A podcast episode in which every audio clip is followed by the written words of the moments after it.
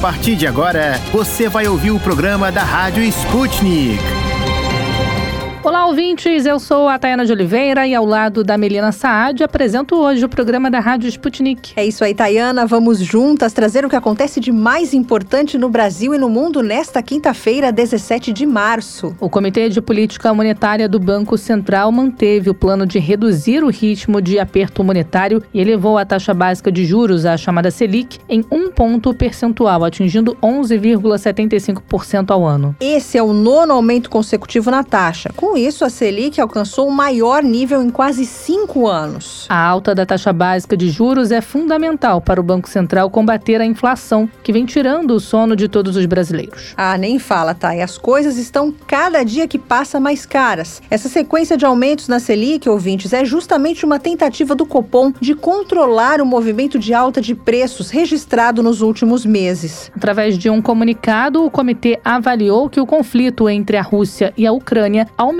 as incertezas em relação ao cenário econômico em todos os países. O Copom afirmou ainda que vai continuar adotando medidas necessárias para conter a inflação. E nós ficamos na torcida para que os preços parem de subir. Sem dúvida, Mel. Agora, falando sobre a Amazônia, parte do alto empresariado brasileiro demonstrou indignação com a tentativa do governo Bolsonaro de deslanchar a mineração em terras indígenas na região. Uma reportagem do jornal Folha de São Paulo revelou que, para os empresários, o projeto de lei 191 é um crime de lesa pátria, atropelando a imagem do país em defesa do meio ambiente e o respeito à cultura de direitos indígenas. A reportagem destaca que neste mês a coalizão Brasil Clima, Florestas e Agricultura, que reúne as principais associações do agronegócio brasileiro, grandes empresas do setor, bancos, academia e sociedade civil, elaborou uma nota com críticas ao projeto. Segundo a coalizão, o garimpo em terras indígenas não vai resolver possíveis crises de escassez de fertilizantes, como acredita o presidente. O Instituto Brasileiro de Mineração, que tem entre as associadas gigantes como a Gerdau, Vale e Mosaic Fertilizantes, também divulgou um comunicado afirmando que o projeto de lei não é adequado. A visita do presidente Jair Bolsonaro a Moscou em meados de fevereiro ainda está rendendo assunto, não é mesmo, Thay? Pois é, Mel. Segundo o jornal Folha de São Paulo, no encontro com Vladimir Putin, o presidente brasileiro pediu ajuda no desenvolvimento de um submarino nuclear. O jornal escreve que o Ministério da Defesa brasileiro perdeu as expectativas de firmar um acordo com Washington em 2018. Segundo um militar ouvido pela Folha, os norte-americanos enrolavam os brasileiros e pediam novas informações. A reportagem diz que, com o apoio da ala militar do governo, as conversas foram retomadas em 2020 e aceleradas após a queda do então ministro das Relações Exteriores, Erneston Araújo,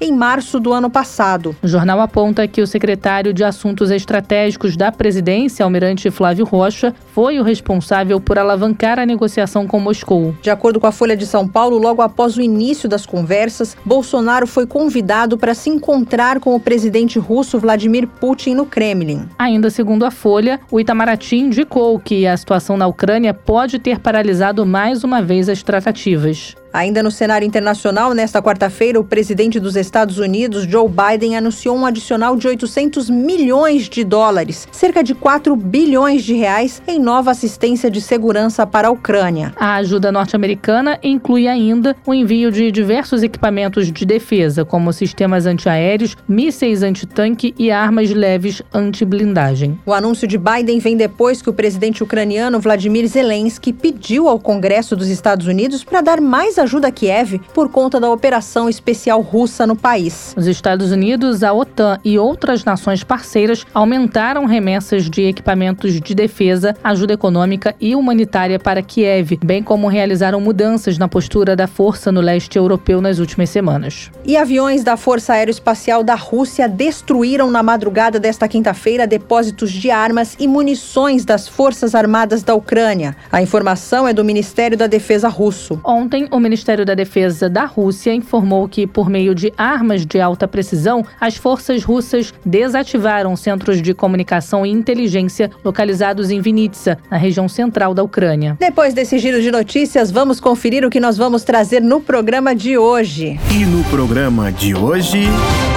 No Destrinchando a Charada Brasil, por que os estudantes de mestrado e doutorado estão deixando o Brasil? E vamos falar também sobre o desmatamento na Amazônia. Na hora do play, presidente russo diz que países ocidentais não aceitam soberania da Rússia e querem dividi-la. No Música Rara, vamos falar sobre a obra Poucas Linhas para Ana Cristina para clarinete solo do compositor e professor da Universidade de São Paulo, Silvio Ferraz. Destrinchando a charada. De dentro e fora do Brasil. Política, economia, sociedade e tudo que engloba o maior país da América Latina. As charadas mais complicadas do Brasil são destrinchadas aqui Começa agora o nosso Destrinchando a Charada Brasil. Eu cumprimento você, Melina, e é claro, os nossos queridos ouvintes. Tá, e é um prazer estar com você e com os nossos ouvintes mais uma vez para a gente se aprofundar, discutir os temas mais importantes que mexem com a vida da gente. E falando sobre o pensar, refletir, nosso tema de hoje é a fuga de cérebros do Brasil nos últimos anos. Fuga de mentes é um nome engraçado. Eu vou traduzir. Os nossos estudantes, bolsistas, profissionais qualificados estão preferindo deixar o país país, De acordo com a Sociedade Brasileira para o Progresso com a Ciência, as verbas destinadas aos mestrandos e doutorandos caíram pela metade nos últimos cinco anos. Tayana, você sabe quanto ganham essas pessoas para estudar? Eu não tenho a mínima ideia. Eu vou falar para você e para os nossos ouvintes. R$ 1.500 por mês é o valor da bolsa para os mestrandos e R$ 2.000 para os doutorandos. Um valor que teria que ser 66% maior se fosse acompanhar a inflação. As bolsas de estudo estão congeladas há nove anos. A fuga de mentes, como nós temos tratado essa questão, aumentou 40%. Lembrando que tudo ficou mais caro e quem estuda precisa se alimentar, se deslocar. Muitas vezes são pessoas que moram longe das universidades. É puxado mesmo, Tayana, e quem sofre com isso não são apenas os alunos, mas também a ciência e o futuro do nosso país. Essa falta de estímulo à pesquisa tem feito muita gente querer deixar o Brasil. Nós vamos falar então com a Paula Silva. Esse é um nome fictício porque ela não quis se identificar, mas ela sente na pele o que é estudar no Brasil. Ela fez mestrado, doutorado e agora faz pós-doutorado. A Paula é bióloga e está pensando em deixar o Brasil. Vamos ouvir o que ela diz sobre essa situação. Somos vistos, né, como estudantes para sempre, sendo que na verdade nós somos profissionais que terminamos a faculdade e estamos trabalhando em pesquisa através de bolsas, sim, mas criando novos projetos, buscando respostas né, científicas e nós não somos vistos nem encarados né, como profissionais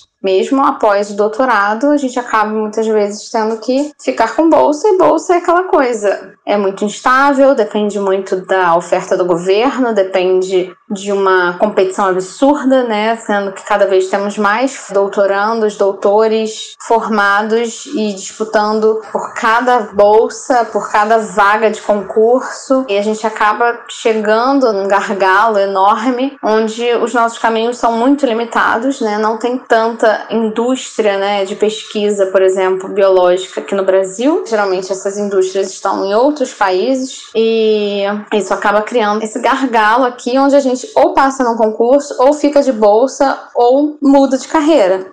Conheço muita gente que fez qualquer uma dessas opções e muita gente que na verdade acabou mudando de carreira também e, e muita gente vai para fora, muita gente vai para concurso também, né? Então, só que todos os caminhos são difíceis, né? E trazem um desânimo porque você dedica sua vida anos e anos e anos para se tornar um profissional, um profissional competente, né? Nós como cientistas nós somos muito competentes em buscar soluções, em buscar alternativas para responder problemas. Então, nós temos um treinamento intenso e fantástico, muitas vezes, né, bancado pela população brasileira, né, através do, dos impostos que bancam as universidades, né. E aí chega lá, a gente tem profissionais muito bem formados e não absorve. Então, é um tiro no pé, assim, desesperador, né. Então, eu tenho muita vontade, né, de poder devolver tudo que eu aprendi, tudo que eu obtive na minha formação para o Brasil, mas aqui não tem um espaço de qualidade que também me garanta uma vida, né,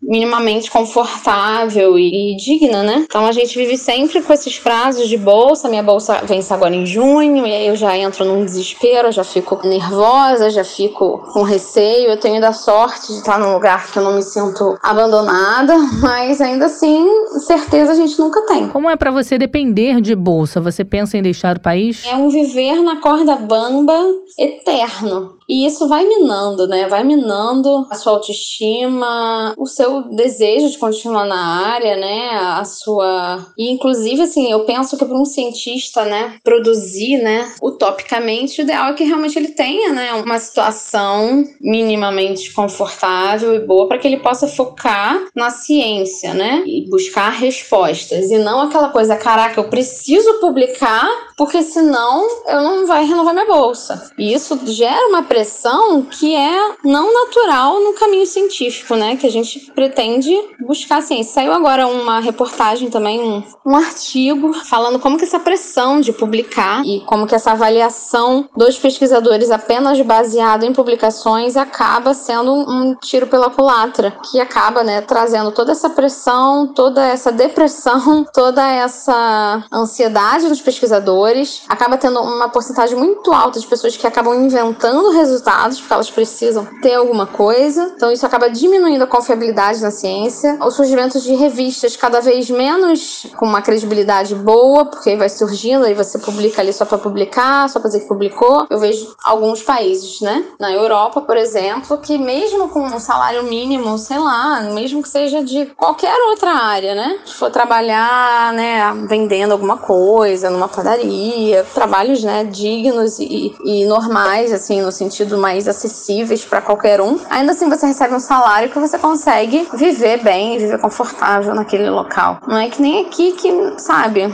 é sempre um desespero para você fazer fechar as contas. E para onde você iria? Mas a questão é que eu acho que principalmente no Brasil, né, não vou dizer que é só no Brasil, óbvio que não, eu não estudo economia nem nada disso, mas o Brasil a disparidade de salários é muito grande. Então, o salário mínimo é irrisório e quase impossível alguém realmente viver com mínimo de qualidade de vida o salário que a gente tem, salário mínimo, né? E as pós-graduações, algumas tiveram alguns aumentos, mas não foram acompanhadas por todas e deu uma melhorada, mas ainda assim é uma coisa que realmente, com os preços que as coisas estão, só desanima, né? E, e cada vez muitos laboratórios ficam também, às vezes, sem reagentes, sem condições de acompanhar todas as evoluções científicas que acontecem nos outros países e aí acaba atrasando também a ciência no Brasil. Eu tenho uma vontade um pouco romântica da minha parte, idealizada, né? De ir pra França, né? Mas isso é uma questão de outras questões pessoais, mas a Europa me parece, né, uma região que tem assim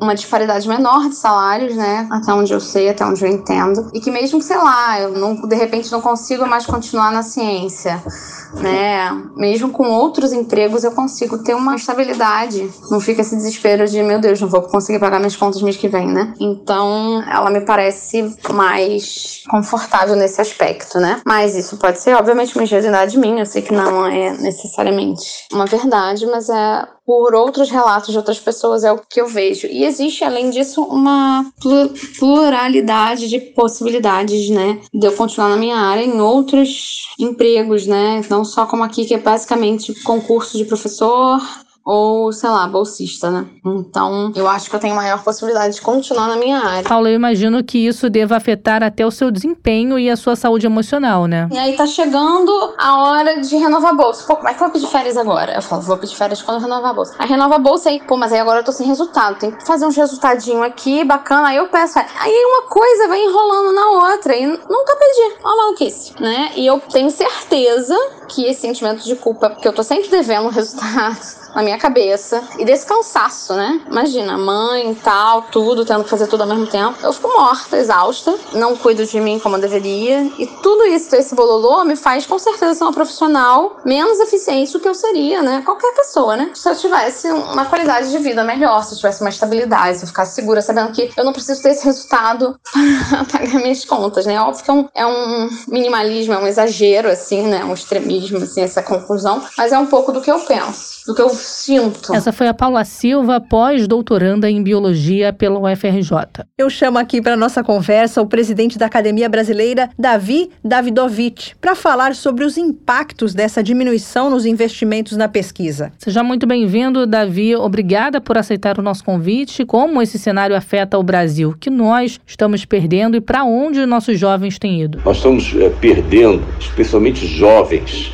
extremamente talentosos que foram formados aqui no Brasil, portanto, com recursos do país e que estão saindo do país. Eles estão saindo do Brasil, estão indo para os Estados Unidos, Canadá, países da Europa, é, Austrália, tem até Emirados Árabes, que estão atraindo cérebros de vários países do mundo. Mas tem gente do Brasil que foi para lá. Então, esse pessoal é o pessoal que poderia estar contribuindo, por exemplo, para a inovação disruptiva no Brasil, que é uma necessidade que nós temos urgente. Né? Nós temos uma inovação incipiente no Brasil e tem assim eventos muito importantes que foram realizados graças a, a pessoas formadas no Brasil. Por exemplo, o petróleo do pré-sal, né, que até pouco tempo atrás era considerado inviável e muito caro, hoje em dia representa mais que 50% do petróleo extraído no Brasil. Empresas com protagonismo internacional, na área de compressores, por exemplo, na área de equipamentos elétricos, na área de cosméticos, se desenvolveram graças à interação com laboratórios de universidades, especialmente universidades públicas no Brasil. Né? Então,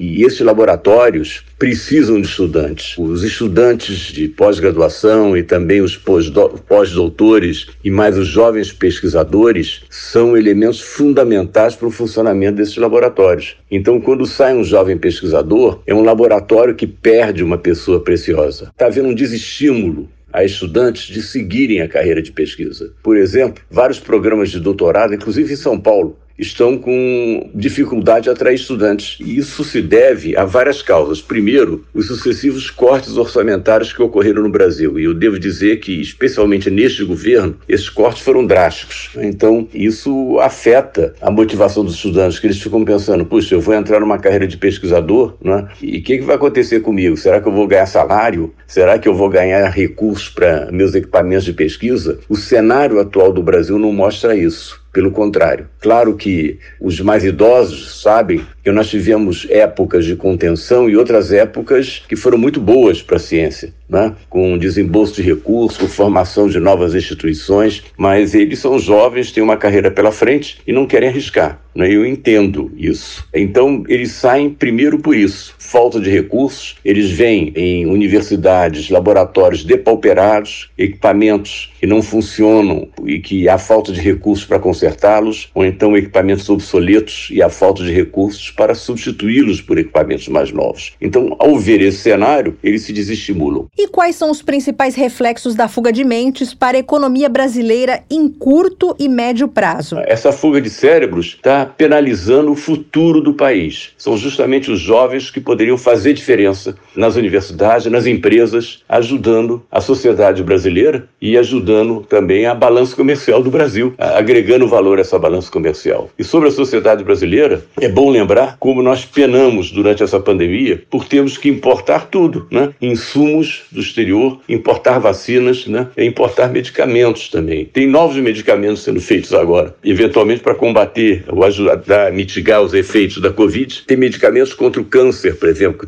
terapia gênica, que está sendo desenvolvida lá fora. Caríssimos nós precisamos ter inovação na saúde no Brasil. Isso é um grande exemplo que está claro nessa época de pandemia. E esses jovens que estão saindo vão fazer falta justamente para transformar o complexo industrial da saúde nesse país, de modo que as nossas indústrias farmacêuticas façam não apenas genéricos, mas façam novos medicamentos. Genéricos são cópias né, de medicamentos feitos por outros. Nós precisamos que a indústria farmacêutica no Brasil faça novos medicamentos, que agreguem valor à nossa balança é, comercial, às nossas exportações né, e que favoreça a população brasileira. Então, Cecília, é mais ou menos isso que eu tenho a dizer. Eu tenho que sair agora. Não sei se você consegue alinhavar isso que eu disse agora, mas essa é a ideia geral. Né? E realmente nós estamos muito apreensivos com relação a esses jovens que estão deixando o país e também com o esvaziamento das pós-graduações pela falta de motivação. Então, esperamos no ano que vem possamos ter uma mudança de postura no governo federal, no sentido de ter lideranças que incentivam os jovens né, a fazer pesquisa, a fazer ciência, que incentivem as indústrias a fazer inovação disruptiva, não apenas diferencial, mas disruptiva, mudando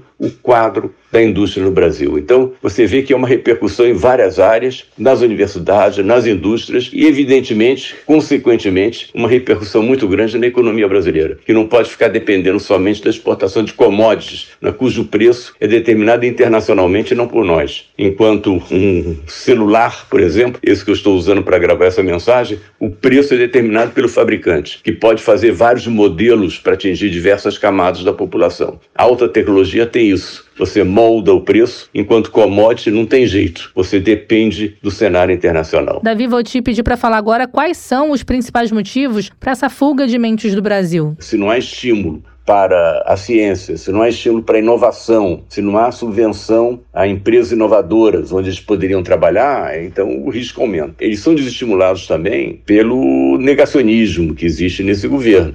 Um governo que ataca a ciência, que ataca os cientistas, e ataca cientistas mesmo. Houve perseguição aos cientistas nesse governo. Cientistas que demonstraram, por exemplo, que a hidroxicloroquina não funciona para a Covid foram perseguidos. As famílias receberam ameaças de morte. Então, tudo isso faz um cenário que é desestimulante e que contrasta com o cenário em outros países. Estados Unidos, países na Europa, é China, na Índia, Israel, Singapura, Coreia do Sul estão investindo maciçamente em pesquisa e desenvolvimento, em ciência, tecnologia e inovação. Então, uh, esse é o quadro atual e é um quadro desestimulante, que faz os jovens saírem do Brasil e que faz também os jovens desistirem de fazer uma pós-graduação, um doutorado, que formaria pessoas capacitadas a fazer a inovação que o país precisa. Então, esse é o drama atual. Agora, como mudar isso? Como é que esse problema poderia ser enfrentado por um novo governo? Eu acho que, assim, tem que evitar fazer o que está sendo feito agora. Então, acho que tem que ser feito um plano nacional, um programa nacional de investimento em ciência, tecnologia e inovação, é, que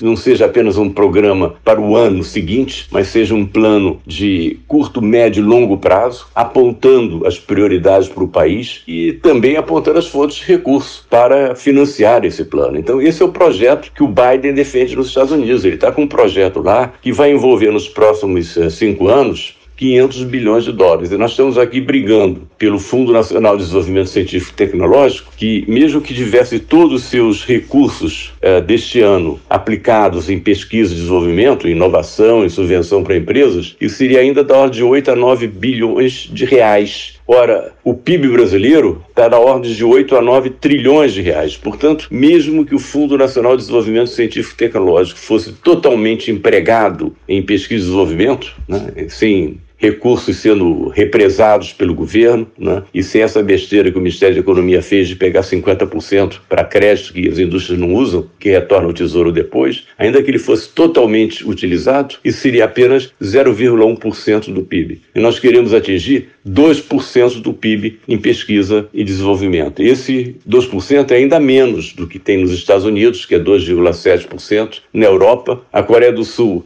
está chegando a 4,5% do PIB em pesquisa e desenvolvimento. Israel está lá também, dessa ordem. A China está querendo chegar a 2,5% agora do PIB em pesquisa e desenvolvimento. E o Brasil está em torno de 1%. Esse foi o presidente da Academia Brasileira de Ciência, Davi Davirovich. Obrigada pela entrevista. E nós vamos chamar agora para a nossa mesa de discussão o ex-ministro da Educação, Renato Janine Ribeiro. Ministro, ajuda a gente a entender o porquê dessa fuga de mentes de cérebros aqui do Brasil. Você você tem formação de muita gente nova, qualificada, tudo mais, mas essas pessoas que estão sendo formadas não estão tendo espaço para render tudo que elas aprenderam, que elas estudaram, que elas pesquisaram. Então, esse é o grande problema. Fala-se muito que a gente está numa sociedade do conhecimento, numa economia do conhecimento, que a ciência é o principal fator hoje para o desenvolvimento econômico, mas na hora de você fazer isso tudo render, o governo corta as verbas, quer dizer, então então você tem todo tipo de corte de verba, você tem a falta de recursos para contratar pessoas, falta de recursos para equipamentos, falta de recursos para ampliar o sistema universitário brasileiro. E isso fica muito claro quando o ministro Paulo Guedes reclama que está se formando engenheiro demais no Brasil. E diz: engenheiro guiando Uber é sinal de que tem engenheiro demais. E ele está totalmente errado, porque não é que tem engenheiro demais, é que a economia está fraca. Se a economia estivesse boa, a economia estaria colocando todo esse pessoal que se forma no trabalho, porque cada vez que você tem um avanço econômico no Brasil, você sente falta de mão de obra qualificada. Isso aconteceu várias vezes e vai voltar a acontecer se continuarem as coisas assim, sabe? Então, eu diria que é mais ou menos esse o principal problema que a gente está tendo hoje.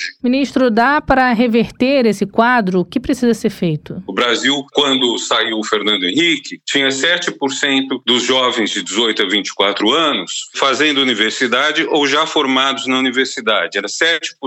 Quando a Dilma foi golpeada, esse número tinha chegado a uns 20%. Lembrando, 18 a 24 anos, gente que já terminou ou que está fazendo a universidade. E isso foi um avanço importante, porque se considera que até 16% você está numa sociedade elitista. Então o Brasil deixou de ser elitista, não avançou tanto quanto países que têm metade da população dessa faixa etária na universidade, mas progrediu. E agora seria preciso continuar progredindo nessa direção, tanto para formar bons profissionais em áreas que necessitam, como por exemplo saúde, engenharia, quanto para avançar na pesquisa, em que o Brasil, por exemplo, tem uma biodiversidade gigantesca, fantástica, talvez a maior do mundo, e nós precisamos de cientistas para verem as nossas plantas, a nossa biologia e ver quantas riquezas podem ser dadas para a partir disso. Basta dar um exemplo. As principais, ou pelo menos as mais conhecidas, mais charmosas fábricas de cosméticos do Brasil, que são Boticário, Natura e a L'Occitana, as três fazem muito cosmético, muito produto com plantas da nossa flora. Então, a possibilidade de expansão nisso é muito grande. Uma parte disso, inclusive, é exportada. Então, o que precisaria ser feito é realmente investir nisso tudo. É, é você ter uh, não apenas dinheiro, mas saber como aplicar esse dinheiro. E, em vez disso, a gente tem essa aplicação que está sendo muito equivocada, né? que está indo para coisas que a gente sabe que não vão trazer ganho para o país, né? como orçamento secreto, etc. Né? E o que, que o senhor acha que assim é a gota d'água para essa fuga de mentes do Brasil? Quer dizer, antes de você decidir deixar o Brasil, você tenta o máximo possível ficar nele. Então, ah, tem muita gente que simplesmente não sai. Quer dizer, a pessoa fica com bolsa de pós-doutor, fica numa situação precária, mas mesmo assim dá o máximo de si para ficar no Brasil. Quando falta equipamento, muitas vezes as pessoas dão um jeito de repor o equipamento, de consertar um equipamento que existe. Você tem todo esse tipo de coisa no país. Agora, de fato, qual país é difícil? Muito provavelmente são os países para onde vai a maior parte dos nossos bolsistas de doutorado, que seriam então Estados Unidos, Alemanha, Reino Unido, França, provavelmente esses países, talvez Japão e Coreia do Sul, os países mais desenvolvidos. É basicamente para eles que aparentemente os nossos jovens estão indo. O Brasil já está sofrendo com a falta de valorização da ciência, tanto que durante a pandemia nós tivemos que importar as vacinas e medicamentos. Isso poderia ter sido diferente? Se o governo tivesse investido para valer na produção de vacinas, nós teríamos produzido. Cuba, que é um país muito menor e com muito menos recursos do que nós, Cuba fez três vacinas, a Soberana 1, a Soberana 2 e a Abdala. Eu não conheço essas vacinas, não sei a qualidade, mas você veja, se Cuba foi capaz de fazer três vacinas, então o Brasil certamente teria feito pelo menos uma vacina de alta qualidade. A gente poderia ter tido isso. E não houve, né? Então, isso é um problema grande do país, quer dizer, a gente ter perdido toda essa possibilidade de desenvolvimento, que é nossa, né? Como é que o senhor vê essa questão num futuro próximo? O impacto vai ser um atraso significativo, quer dizer, não é só fuga de cérebros, veja, porque a fuga de cérebro, ela vem junto também com, não chegaria a dizer destruição, mas a perda de muitos equipamentos que a gente tem. Então, por exemplo, se eu pegar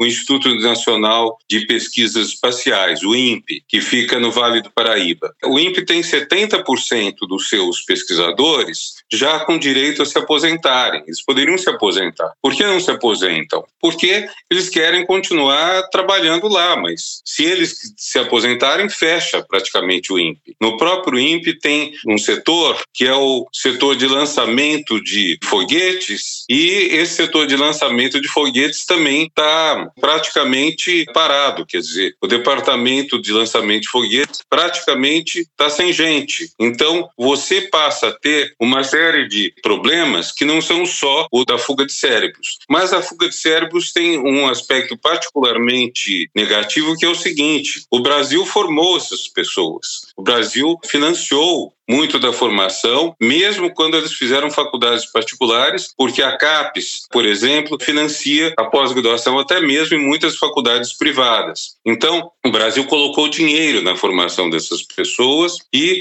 aí essas pessoas são, de certa forma, dadas de presente para o estrangeiro. Quer dizer, a gente passa a ter pessoas que vieram daqui, que têm todo um conhecimento, uma formação aqui e que nós estamos subvencionando países ricos com essas pessoas. Esse foi o ex-ministro da Educação, Renato Janine Ribeiro, que falou aqui com a Rádio Sputnik sobre a fuga de cérebros para o exterior. Ministro, nós te agradecemos pela sua atenção com a gente, a sua disposição em falar sobre um assunto que o senhor conhece tão bem, já que o senhor esteve à frente da pasta da educação. Até uma próxima oportunidade. Obrigada. Agora a gente muda de assunto para fazer um alerta. O desmatamento na Amazônia segue fora de controle. Antes de falar um pouco sobre esse tema tão importante, vamos trazer para os nossos ouvintes ouvintes um pouco da história da Amazônia, que é considerada a maior floresta tropical do mundo e a região de maior biodiversidade do planeta. O bioma ocupa aproximadamente 49,29% do território brasileiro, nos estados do Acre, Amapá, Amazonas, Pará, Roraima, Rondônia, Mato Grosso, Maranhão e Tocantins. O território total corresponde a 6,9 milhões de quilômetros quadrados e abrange nove países: Brasil,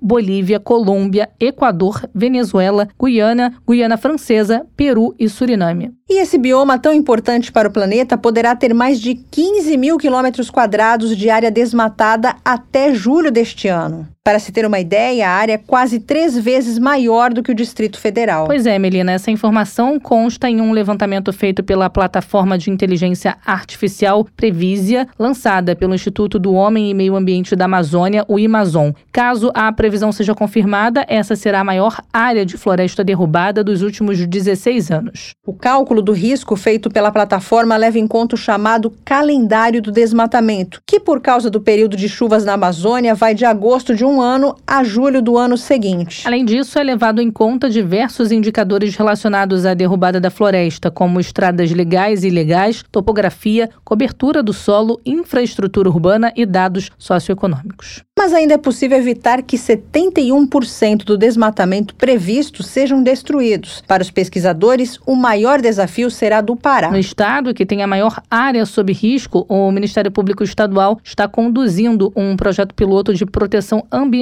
com o uso da Previsia. O objetivo é identificar e implementar ações de prevenção de desmatamento. Caso o desmatamento não seja contido, nós vamos continuar vendo na Amazônia a alta mortalidade de árvores, secas intensas, chuvas extremas, incêndios florestais mais frequentes, perda de biodiversidade e emissão de gás carbônico maior do que a capacidade de absorção. E em fevereiro, o desmatamento na Amazônia bateu um recorde pelo segundo mês seguido. Dados do Instituto de Pesquisas Espaciais mostram mostram que entre os dias 1 e 28 de fevereiro, 199 quilômetros quadrados foram desmatados. Isso representa um aumento de 62% em relação ao mesmo mês de 2021. É a maior área com alertas para o mês desde 2016, quando foram iniciadas as medições. Os alertas de desmatamento se concentram principalmente nos estados do Mato Grosso, Pará e Amazonas. Para falar um pouco mais sobre essa situação da Amazônia, a gente chama para conversa o professor da COP UFRJ, Marcos Freitas, que coordena o Instituto Virtual Internacional de Mudanças Globais da COP. Olá, professor, muito obrigada por nos atender. Antes de falarmos sobre o desmatamento, você poderia contextualizar a importância da Amazônia para o planeta? Bom, a Amazônia, como a gente sabe, é a maior floresta tropical do planeta. E aí depende como a gente trata o assunto. Né? Ela tem importância tanto do ponto de vista de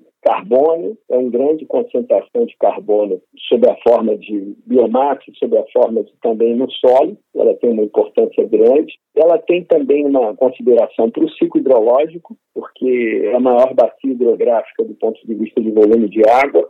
Então, só a Amazônia dá 16% da água doce de rio do mundo. Então, ela tem essa importância grande. Além disso, ela concentra uma enorme biodiversidade de espécies, sob a forma vegetal principalmente, mas também animal, sejam de animais de, de, médio grande porte, mas também os, os micro-organismos que participam da região. Muito da, da parte da, da Amazônia não é conhecida ainda nem catalogada. E as pessoas têm dúvidas quanto a, a, aquilo que pode ser descoberto na Amazônia, dado esse enorme potencial. Ali podem ter espécies de fármacos de alto valor, que podem resolver problemas de câncer e outros tipos de doenças, por exemplo, malária. Um, um projeto nosso de uns anos atrás ajudou a produzir óleo de andiroba no interior da Amazônia, e esse óleo ele produzia também uma borra, e essa borra servia, além de fazer ela e etc., era também um repelente contra o mosquito da malária, e aí essa região passou a não, não ter mais infecção de malária em função desse tipo de resultado. E a Amazônia, ela não é só para o Brasil, né? na verdade, ela é importante para mais sete países da América do Sul. Então, se a gente considerar a Amazônia com todos os países, a gente está falando de 8 milhões de quilômetros quadrados. Se a gente considerar a bacia hidrográfica, a gente está falando de 6 milhões de quilômetros quadrados. Então, a Amazônia tem muita importância. Do ponto de vista de potencial hidráulico, a gente está falando de 100 gigawatts do lado brasileiro e mais 100 do lado andino. Porque, embora chova um terço da água fora do Brasil, que é a Amazônia Andina, os outros dois terços chovem em cima do Brasil. Do ponto de vista hidráulico, isso é maior, porque tem a altura dos Andes. Então, tem um potencial hidráulico impressionante. Professor, você pode explicar para os nossos ouvintes aqui da Rádio Sputnik por que o desmatamento na Amazônia ficou assim, tão fora de controle? Isso tem uma relação forte com política pública. Né? Se a política pública indica uma certa flexibilização de regras, esse desmatamento acaba aumentando né, Uma coisa importante, a gente até hoje não teve uma política econômica importante que valorizasse a área desmatada e a floresta de pé. Então, mesmo quando a gente caiu para 5 mil quilômetros quadrados ano, a gente estava muito em cima de uma política de comando e controle, de fiscalizações, de, de apertos, enfim, policiais etc., né, para que essa taxa ficasse baixa. Precisa haver, em paralelo a essa política de comando e controle, que foi, de certa forma, flexibilizada por falta de meios, né? Então, não ficou sem meios para manter a fiscalização forte, o Chico Mendes também, pelo que a gente ouve na mídia, principalmente. Mas, fora isso, a agenda de, econômica, ela não evolui. Então, você poderia, um, um, exemplo de uma coisa que a gente estudou muito aqui na COP, que é o biodiesel, a gente fez um cálculo aqui, acho que foi 2010, uma coisa assim, na época que ainda se gerava muita energia elétrica a, a diesel em Manaus, diesel e óleo combustível, o diesel, e a gente fez um cálculo que se a gente fosse substituir toda essa geração diesel da Amazônia com biodiesel, né, gerando a 100%, a gente poderia plantar palma na área desmatada, e a palma tem um rendimento muito melhor que a soja para o biodiesel. Então ele dá 5 toneladas por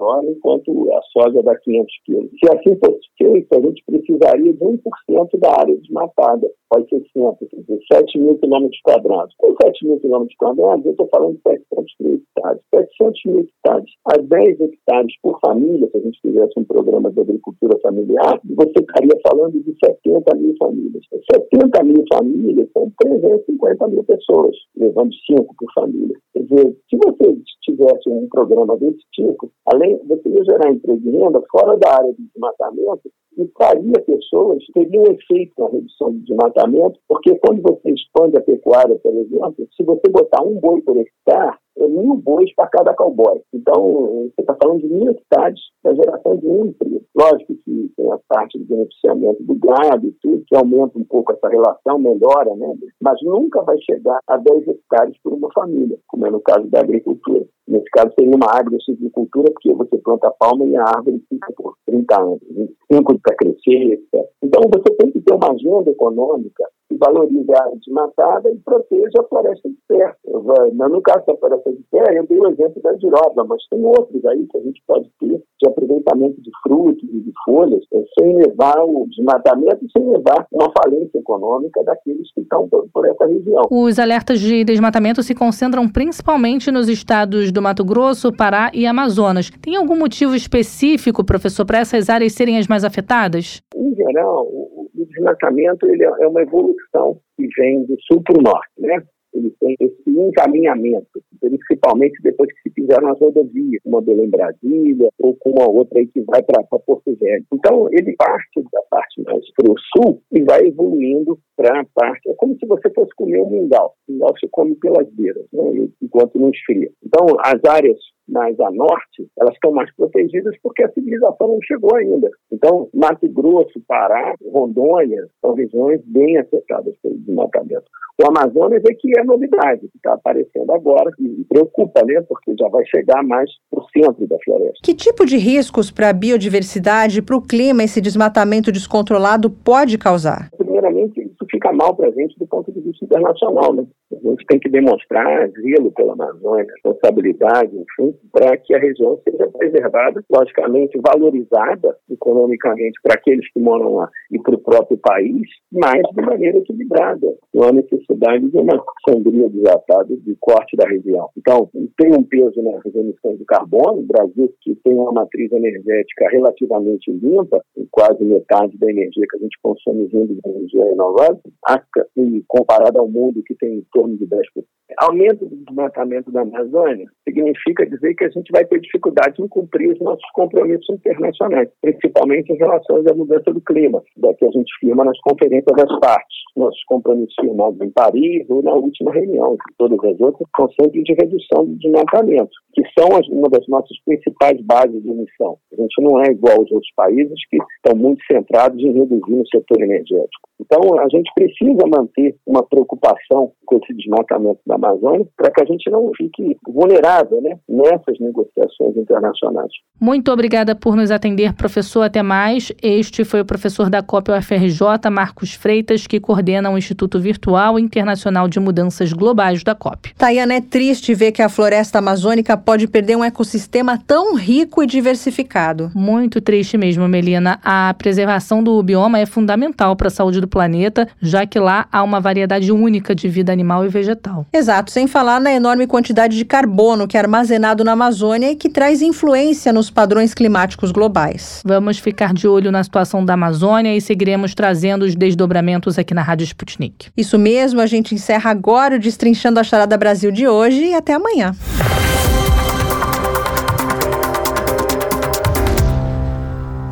Hora do Play curtidas e mais curtidas da Rússia ao Brasil. Confira com a gente os vídeos da Sputnik Brasil que estão bombando na internet.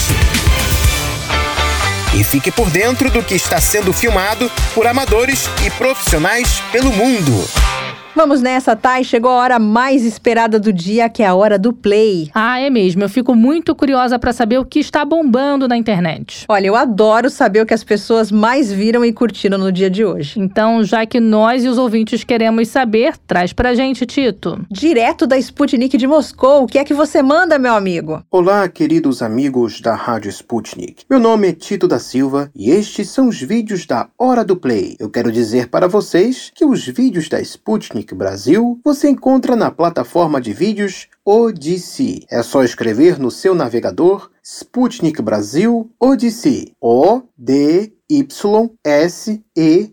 Odyssey. No primeiro vídeo desta quinta-feira, 17 de março, o presidente Vladimir Putin fez um discurso falando sobre a política externa dos países ocidentais no contexto da crise em torno da Ucrânia. O presidente afirmou que o objetivo dos Estados Unidos e da União Europeia é abalar os cidadãos russos, derrubar sua economia e que as sanções não têm o objetivo de atingir só as pessoas do país, mas a Rússia como todo. Explicando a razão disto, Putin afirmou que a real origem das sanções é a insatisfação de países ocidentais ao verem a Rússia seguir seu próprio caminho, sendo forte e soberana. O discurso de Putin você encontra na Odyssey digitando Putin. Sanções contra a Rússia não são apoiadas pelas economias mais promissoras. No segundo vídeo de hoje, o ex-coronel do exército norte-americano Douglas McGregor, que trabalhou como conselheiro do Pentágono, afirmou em entrevista ao canal The Grey Zone no YouTube que a mídia ocidental tem feito uma interpretação errônea sobre as atividades atividades militares da Rússia na Ucrânia. Enquanto alguns consideram o progresso da operação especial russa na Ucrânia lento,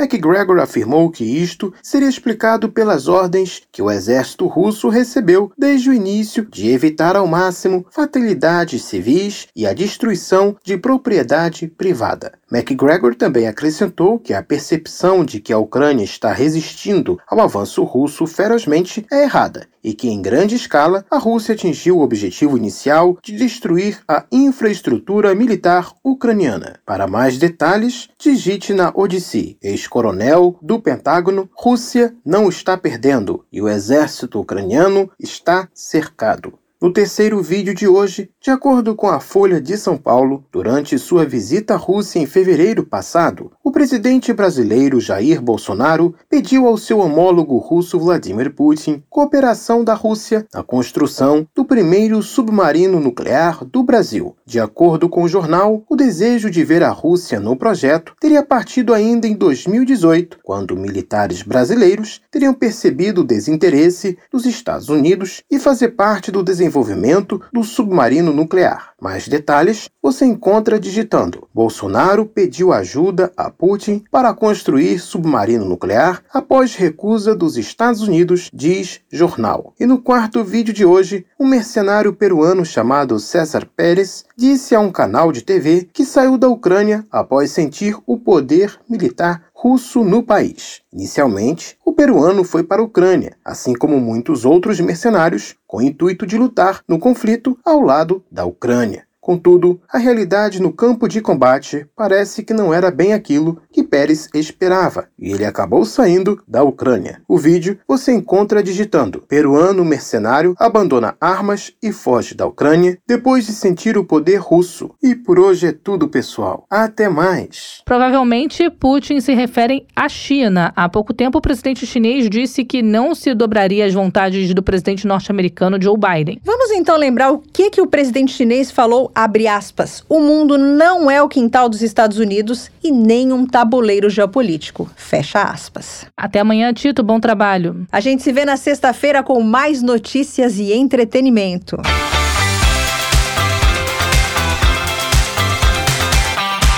Mistura do Brasil com Moscou.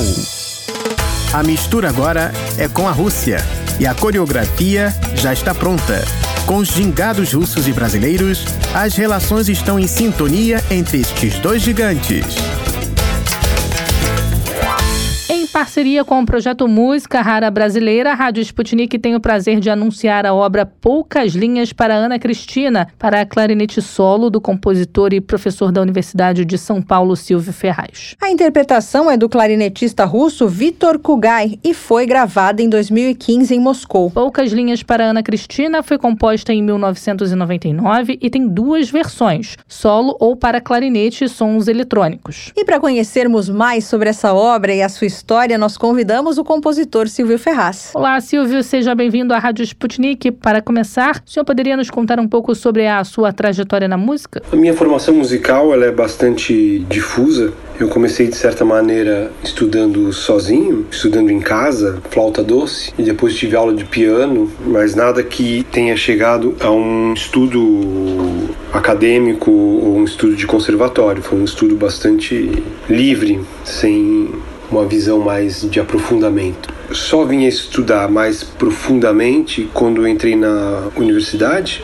já com quase 20 anos de idade, e então eu tive aula com o compositor Vili Correia de Oliveira, que foi uma referência muito grande para mim. Muito tempo depois, já aos 35 anos, eu estudei com Brian Ferner na Fundação Royomont e em 1998 com Gerard Rizet no IRCAM em Paris. Creio que esses três nomes são os compositores que, de certa maneira, acabaram me influenciando mais e tão, são talvez os compositores que eu já procurasse enquanto referência para mim uma espécie de encontro. Então eles acabam sendo muito importantes para mim. E conta pra gente que história atravessa essa composição e o que inspirou você a produzi-la. Poucas Linhas, escrita em 99, ela faz parte de uma série de peças que eu escrevi para instrumentos solistas e que meio marcaram a minha vocação para escrita para instrumentos solistas. E é uma das primeiras peças em que eu escrevi para instrumento solista e eletrônica. A primeira que eu tinha escrito antes era foi uma peça para piano intitulada Cortázar ou Quarto com Caixa Vazia. Então são peças para eletrônica que eu escrevi a partir de autores da literatura que eu tinha grande admiração. Julio Cortázar e poeta brasileira Ana Cristina César, que tem uma escrita cujo ritmo é realmente muito forte ela varia de tempo, as linhas que ela escreve podem ser mais rápidas ou mais lentas. Isso me deu ideia de uma peça meio fluida que pudesse ter as estruturas rápidas e lentas. Essa peça, junto com Cortázar e peças que vieram depois, elas compõem então esse conjunto de peças que eu trabalho, inclusive atualmente, bastante, de instrumento solista e live electronics, ou seja, não é com eletrônica qualquer, é com eletrônica live, porque eu fui trompista, então eu tenho um certo gosto de estar no palco tocando e vivendo o aparecimento da música. Então essa peça ela entra um pouco dentro desse histórico. Quem foi Ana Cristina e por que essa poetisa dá nome à composição? Ana Cristina foi uma poeta brasileira. Ela faleceu muito jovem, infelizmente, mas deixou uma obra imensa e marcada por um jogo interessantíssimo, que é a supressão de uma ou outra palavra-chave, muitas vezes o verbo dentro de uma frase, que fica como se a gente estivesse ouvindo aquela frase sendo falada atrás de uma parede e a gente não consegue entender exatamente o que está sendo dito. Então, quando eu escrevi essa peça, Poucasinha da Cristina César, essa é uma das ideias que me interessou. Essa coisa de ouvir alguma coisa, mas não sabia exatamente o que é. Ouvi como se fossem diversas vozes, mas é uma voz só, mas ela ressoa em diversas outras. A poesia dela, então, tem essa coisa de variação de tempos, que para mim é, é, muito importante. A Ana Cristina ela fez parte do, da chamada geração dos poetas marginais no Rio de Janeiro, e, e o que é interessante é que é uma poesia que não abre mão do significado das palavras, como os concretistas fizeram, que os poetas concretos em São Paulo que acabavam trabalhando com o verbo voco visual, a questão visual, a questão sonora. Não, Ana Cristina não trabalha com isso. Ela trabalha com, ao menos para mim, né, com o ritmo da leitura, o tempo de leitura e o significado que se desfaz nas palavras. Não o significado de uma palavra, um significado pleno, mas o significado que se desfaz. Essa coisa de escrever um pouco no limite entre um texto escrito e realmente uma música. Né? Eu acho que a poesia da Ana Cristina é música, antes de mais nada. Há sete anos, essa obra foi gravada em Moscou pelo clarinetista russo Vitor Kugai. O que, que essa interpretação trouxe de especial para sua composição? A gravação do Victor Kugai é uma gravação primorosa. Ele fez a versão da peça sem eletrônica, porque como nem sempre a gente tem eletrônica, a eletrônica é um recurso. No Brasil era muito complicado quando eu comecei a fazer isso. A gente não tinha todos os equipamentos, não tinha equipamento o tempo todo. Então sempre quando eu penso uma música com eletrônica, eu penso ela sem eletrônica também, podendo ter as diversas versões. A realização do Victor Kugai é sem eletrônica. Uma das primeiras vezes que tocaram peças minhas é na Rússia e por um instrumentista russo. Tive outras oportunidades, né, em projetos conduzidos aí pelo Wellington Bujocas e com peça para cordas, violoncelo, duo de cordas, clarinete, flauta, foram diversas experiências. Essa com o Victor, ela é tão forte quanto as outras, pelo rigor técnico dele, o rigor de leitura, o rigor de seguir a partitura totalmente. E é interessante que quando eu ouço ele tocando, eu percebo o quanto essa peça minha traz de influência das análises que eu faço de um compositor que eu admiro profundamente, que é o Igor Stravinsky Quer dizer, eu acredito que o Ocidente tem grandes compositores, um deles Johann Sebastian Bach, o outro Igor Stravinsky. São compositores que eu realmente sigo. Então, certas passagens em Stravinsky, o uso das apojaturas, lembrando um pouco um estilo de pássaro que tem na Sagração da Primavera, e nas lendárias três peças para clarinete do Igor Stravinsky, que são realmente fenomenais. Então, se tem um vínculo aí que ele me traz, por ser um clarinetista russo, é isso, ele consegue vincular a minha peça Stravinsky, que é uma coisa que talvez eu não tenha pensado enquanto escrevia, mas estava por trás do meu pensamento, sem dúvida. A obra Poucas Linhas para Ana Cristina tem duas versões, solo ou para clarinete e sons eletrônicos. Ela já foi idealizada com esse propósito em mente? Como é esse processo criativo? Bem, a peça A Poucas Linhas de Ana Cristina César, ela tem essas duas versões, a versão com clarinete solo, a versão clarinete e live electronics, assim como diversas outras peças minhas que têm live electronics, elas geralmente existem para um instrumentista solo. Eu imagino o seguinte, é porque a concepção que eu tenho da eletrônica é um pouco essa, eu entrei muito tarde na eletrônica, eu sou um compositor da música instrumental. A minha ideia é ter a eletrônica como uma espécie de caixa de ressonância da música instrumental que eu fiz. Então eu tenho uma música instrumental que se sustenta sozinha enquanto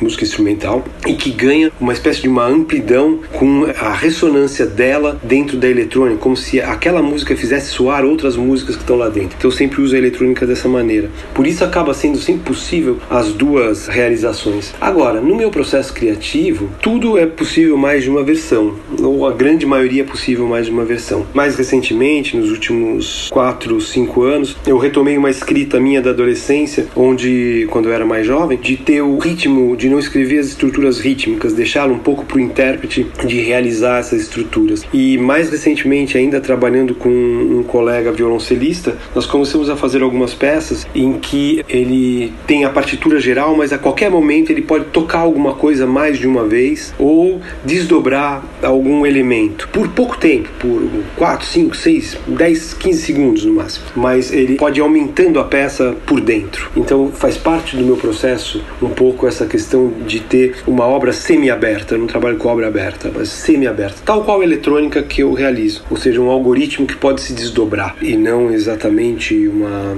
improvisação livre. Não se trata disso. Nem se trata de uma improvisação guiada, mas de um algoritmo que o intérprete tem que perceber na peça e desdobrar esse algoritmo. Ou seja, algum elemento que ele que serve de input e que volte sobre esse elemento, transformando esse elemento a cada vez. Para finalizar, professor, em que momento da sua vida como compositor poucas linhas para Ana Cristina se encaixa? E o que essa composição revela sobre o Silvio Ferraz, compositor? Ana Cristina é uma peça da década de 90, eu comecei a compor na década de 70, no final da década de 70, então é uma peça que vai um pouco além do período de formação, seria, digamos, uma composição dentro de um período em que eu estabeleci um pouco uma maneira de escrever para mim, para instrumentos solistas. Isso depois de ter tido aula com o Brian Fernahog em 1994, onde eu trabalhei justamente uma peça para flauta solo. Depois dessa peça para flauta solo, escrevi diversas outras coisas e com o uma das coisas que eu trabalhei quando eu estava na França, eu comecei a trabalhar porque eu tive praticamente um mês só de contato com o Grisé e uma partura minha que ele viu, acompanhou um pouco, foi essa peça Cortázar, ou Quarto com Caixa Vazia, para piano solo.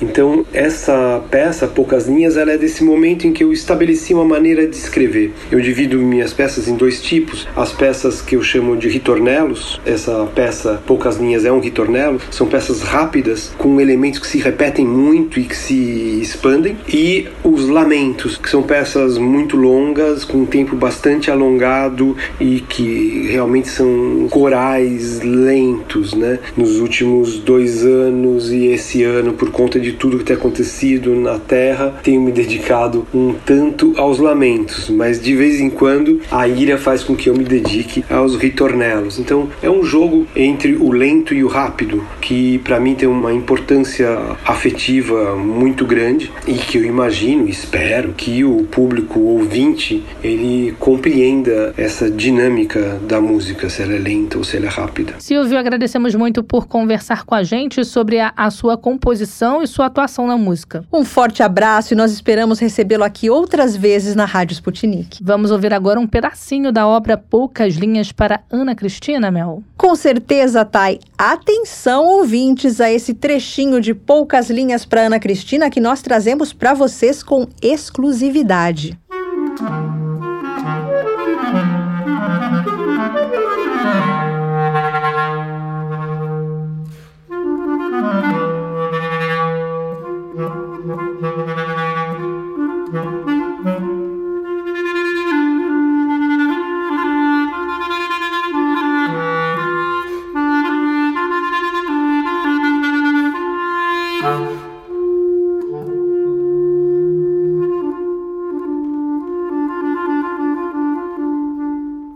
Lembrando, ouvintes, que esta e várias outras obras estão disponíveis no canal do Zenon, Instituto Cultural no YouTube. Acessem o canal do Zenon Instituto Cultural e conheçam também inúmeras obras de compositores de todo o Brasil. Desejamos um ótimo concerto para todos vocês, repleto de música rara brasileira. Até a próxima.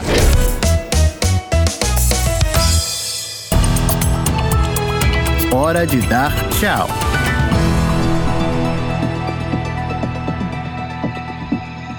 Mel, o programa acabou e essa foi a edição de 17 de março, quinta-feira, fim de semana chegando. Tá preparada? Sempre, né? Amanhã tem mais, tá? E eu sei que os nossos ouvintes vão continuar ligados em toda a nossa programação. Para isso, basta dar uma passadinha no site da Sputnik Brasil, br.sputniknews.com, para conferir as notícias do momento. Lembrando que nós temos também o nosso canal da Sputnik Brasil na Odyssey. Não dá para perder, né? Lá nossos ouvintes encontram os vídeos dos assuntos mais importantes do momento, tanto no Brasil como no resto do mundo. Fiquem ligados também nas informações sempre atualizadas no Twitter e Telegram da Sputnik Brasil. Boa quinta-feira, pessoal. Amanhã a gente volta a se encontrar. O programa da Sputnik teve apresentação, produção e edição de texto de Melina Saad e Tayana de Oliveira, e produção de conteúdos e edição de textos de Tito da Silva, Pablo Rodrigues, Bárbara Pereira e Francine Augusto. A edição e a montagem do programa são de Wellington Vieira e David Costa. A produção geral no Rio de Janeiro é do Everton Maia